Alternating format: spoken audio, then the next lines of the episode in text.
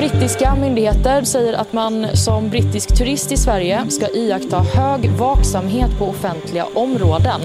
Storbritannien varnar för resor till Sverige med motiveringen att det är mycket troligt att det kan ske en terrorattack. Sverige har ju under året gått från att vara ett legitimt mål till att vara ett mer prioriterat mål för terrorattacker. På en kvart får du veta hur allvarligt terrorhotet är och varför oppositionen menar att SD-toppen Richard Jomshof gör läget ännu värre. Han sprider hatiska budskap och har uppmanat till bokbål. Det är tisdag den 15 augusti. Det här är dagens story från Svenska Dagbladet med mig, Alexandra Karlsson och idag med Jesper Sundén, Mellanösternanalytiker på SvD.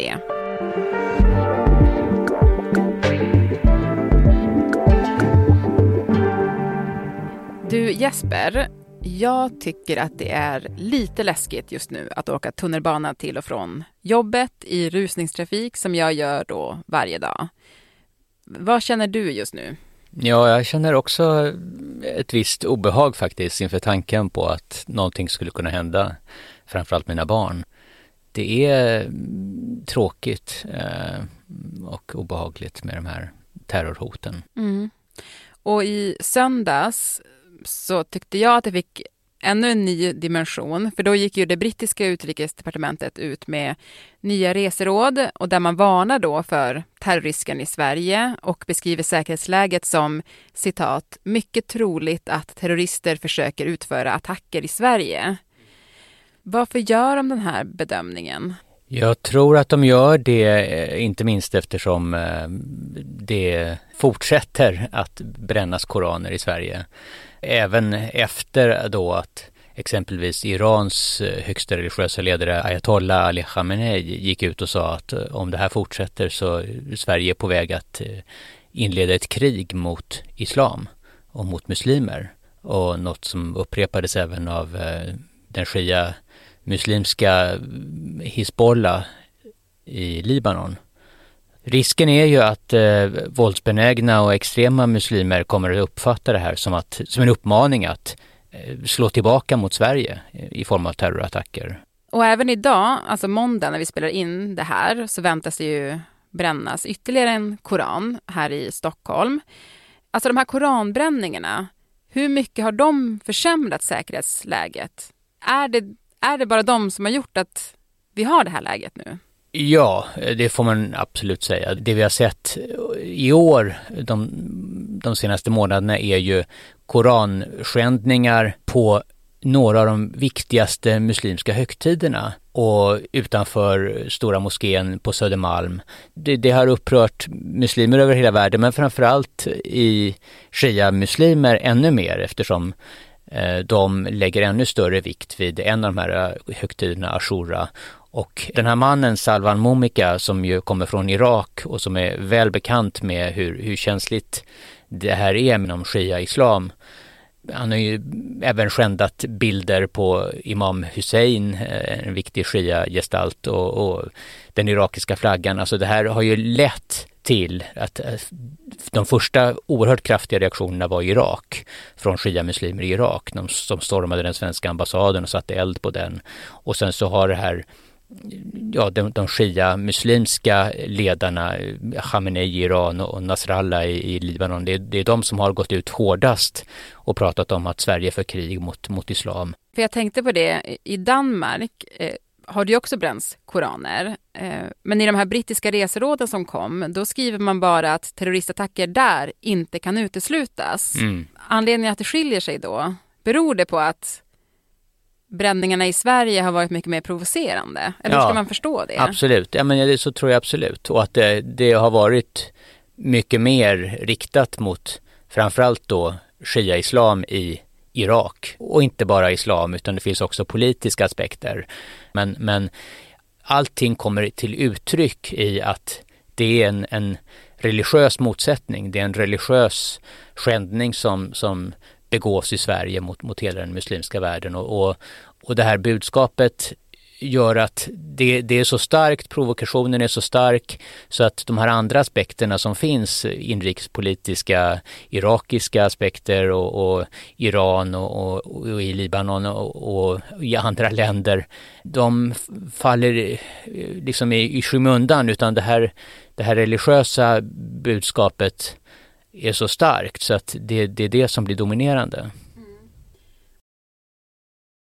efter de här koranbränningarna så har det ju kommit eh, eh, uppmaningar från islamistiska terrorgrupper att hämnas på Sverige. Eh, bland annat då eh, från Hizbollah i Libanon och al-Shabab i Somalia.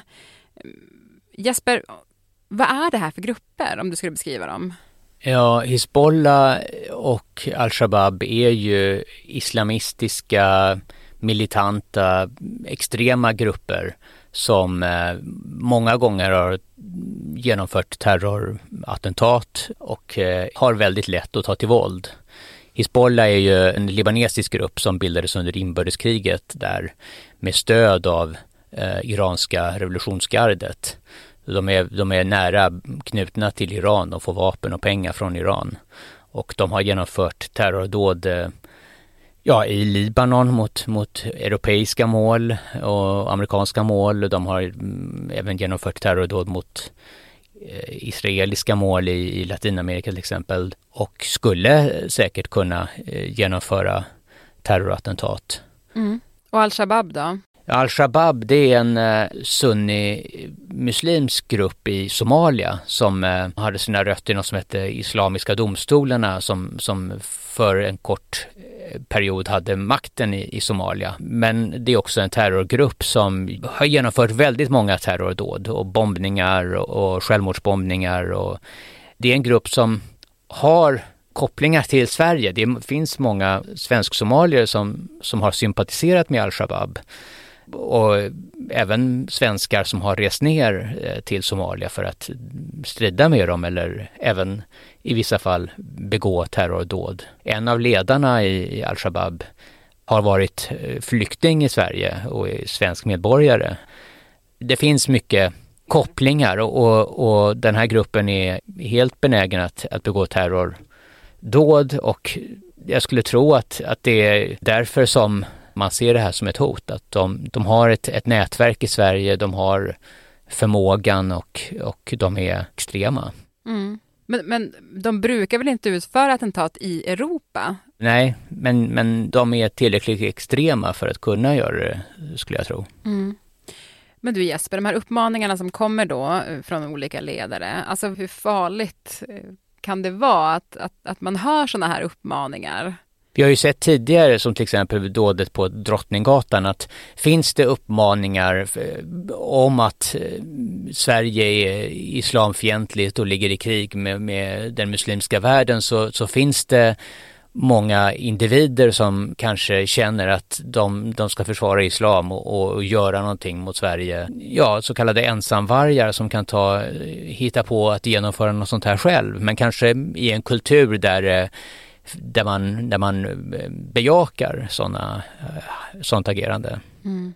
Tack Jesper för att du kom in i studion och eh, nu har vi fått hit en annan person. Vi ska göra lite rokad här, så du ska få jobba vidare. Så ska vi säga hej till Erik Nilsson, politikreporter. Hej! Du Erik, det blev ju en lite svettig första dag för dig, första dagen tillbaka från semestern. Men det var ju pressträff direkt i riksdagen och det är precis så jag vill ha det. Det ska liksom inte vara någon mjuk start. Vad hände där? Ja, men då hade ju de fyra oppositionspartierna för första gången gjort gemensam sak och kallat till pressträff, vilket var lite intressant i sig. Det var ju Socialdemokraterna, Centerpartiet, Miljöpartiet och Vänsterpartiet och det vet vi ju alla att det har ju varit lite sisådär med samarbetet mellan de fyra partierna. Men nu hade de enats om en sak, en ganska lågt hängande frukt får man säga. Men de eh, har kommit överens om att begära en omröstning om att avsätta justitieutskottets ordförande. Och vem är det? Jo, Sverigedemokraten Richard Jomshoff. Ja, men det här handlar ju om, om den här korankrisen som vi är inne i nu. Oppositionen, eh, som jag förstår det, menar ju att Richard Jomshof med sina uttalanden har försämrat säkerhetsläget. Och skulle du då kunna påminna oss om vad det är han har sagt? Men han har sagt, eller eh, egentligen mer skrivit, både ditten och datten om det här. Richard Jomshof är ju sedan lång tid tillbaka en eh, högljudd kritiker av islam. Han eh, ser det som att han förespråkar eller försvarar yttrandefriheten. Så i samband med koranbränningar och det internationella efterspel som har eh, uppstått till, till följd av dem så har han eh, skrivit då flera inlägg på X, som Twitter numera kallas, och i ganska hårda ordalag eh, kritiserat islam, muslimska länder och eh, han har ju ett, eh, jag vet inte om man ska säga bevingat citat om att eh, att eh, man ska elda hundra koraner till som oppositionspartierna nu tog upp när de förklarade varför de vill rösta bort eh, honom som ordförande. Ja, men han har ju också kallat eh, profeten Muhammed för eh, mördare och slavdrivare, också i inlägg på en mycket central gestalt ju i islam och Richard Jomshof menar ju att det här har han helt rätt till inom ramen för yttrandefriheten. Men då menar ju oppositionen att ja, det, det, har han ju som privatperson och som riksdagsledamot, men just i rollen som justitieutskottets ordförande så får man tänka på vad man säger lite mer än, än eh, annars och de eh, eh, hänvisar ju till att internationella medier har citerat honom i rollen då som just ordförande för svenska riksdagens justitieutskott och, och det är det som är problemet då. Mm. Ulf Kristersson och andra ministrar i regeringen har ju också uppmanat till eh, att man inte ska eskalera situationen och tänka på vad man säger och då, då menar ju också oppositionspartierna att det gör inte riktigt Jomshof här. Mm. Vad säger regeringen nu då om den här situationen med eh, avgångskravet på Richard Jomshof?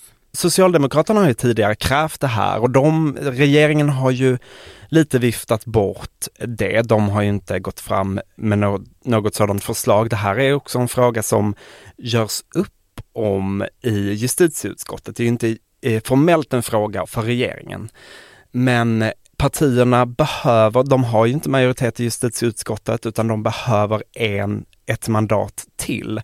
Eh, och hittills har ingen från regeringspartierna sagt att, eh, att man kommer stödja det här förslaget. Så Richard Jomshof sitter ändå säkert, eller hur ska man tolka det? Än så länge, det har ju varit vissa ledamöter i riksdagen eh, från till exempel Kristdemokraterna och Liberalerna som har uttalat sig väldigt kritiskt mot Jomshofs uttalanden, men hittills finns inget stöd för avgångskravet i alla fall. Mm. Du Erik, till sist tänkte jag bara eh, kolla med dig. Du är ju politikreporter och du rör dig liksom i, i maktens korridorer. Det här läget som Sverige befinner sig i nu när flera länder varnar för att åka till Sverige på grund av det här terrorhotet som råder efter koranbränningarna. Alltså vad säger regeringen om den här situationen? Regeringen understryker hela tiden att det är ett allvarligt läge. Säpo har ju, eh, ligger ju kvar på den här bedömningen om att terrorhotsnivån är på en trea på en femgradig skala eh, och säger att Sverige är ett prioriterat mål. Det är också det som regeringen håller sig eh, till. Sen är det ju frågan om koranbränningar. Ska de begränsas eller inte? Och där har ju regeringen sagt att de kommer inte att ändra yttrandefrihetsgrundlagen, men de tittar på ordningslagen och ser om man kan kanske ändra den eller uppdatera den på något sätt så att polisen kan neka allmänna sammankomster som kan eh, riskera rikets säkerhet. Och det är inte möjligt för polisen att neka med det, de motiven idag. Mm. Och på så sätt skulle man då kunna begränsa koranbränningar. Mm. Men där är det också lite... Ja, där är Sverigedemokraterna inte särskilt förtjusta i och inte heller eh, de fyra oppositionspartierna. Så att eh, vi får se hur det går och vad regeringen kommer fram till, vad de lägger fram på bordet. Mm. Fortsättning följer. Tack så jättemycket Erik. Tack.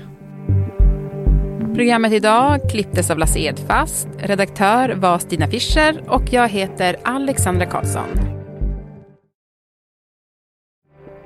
Om du vill kontakta oss så mejla till dagensstory.svd.se.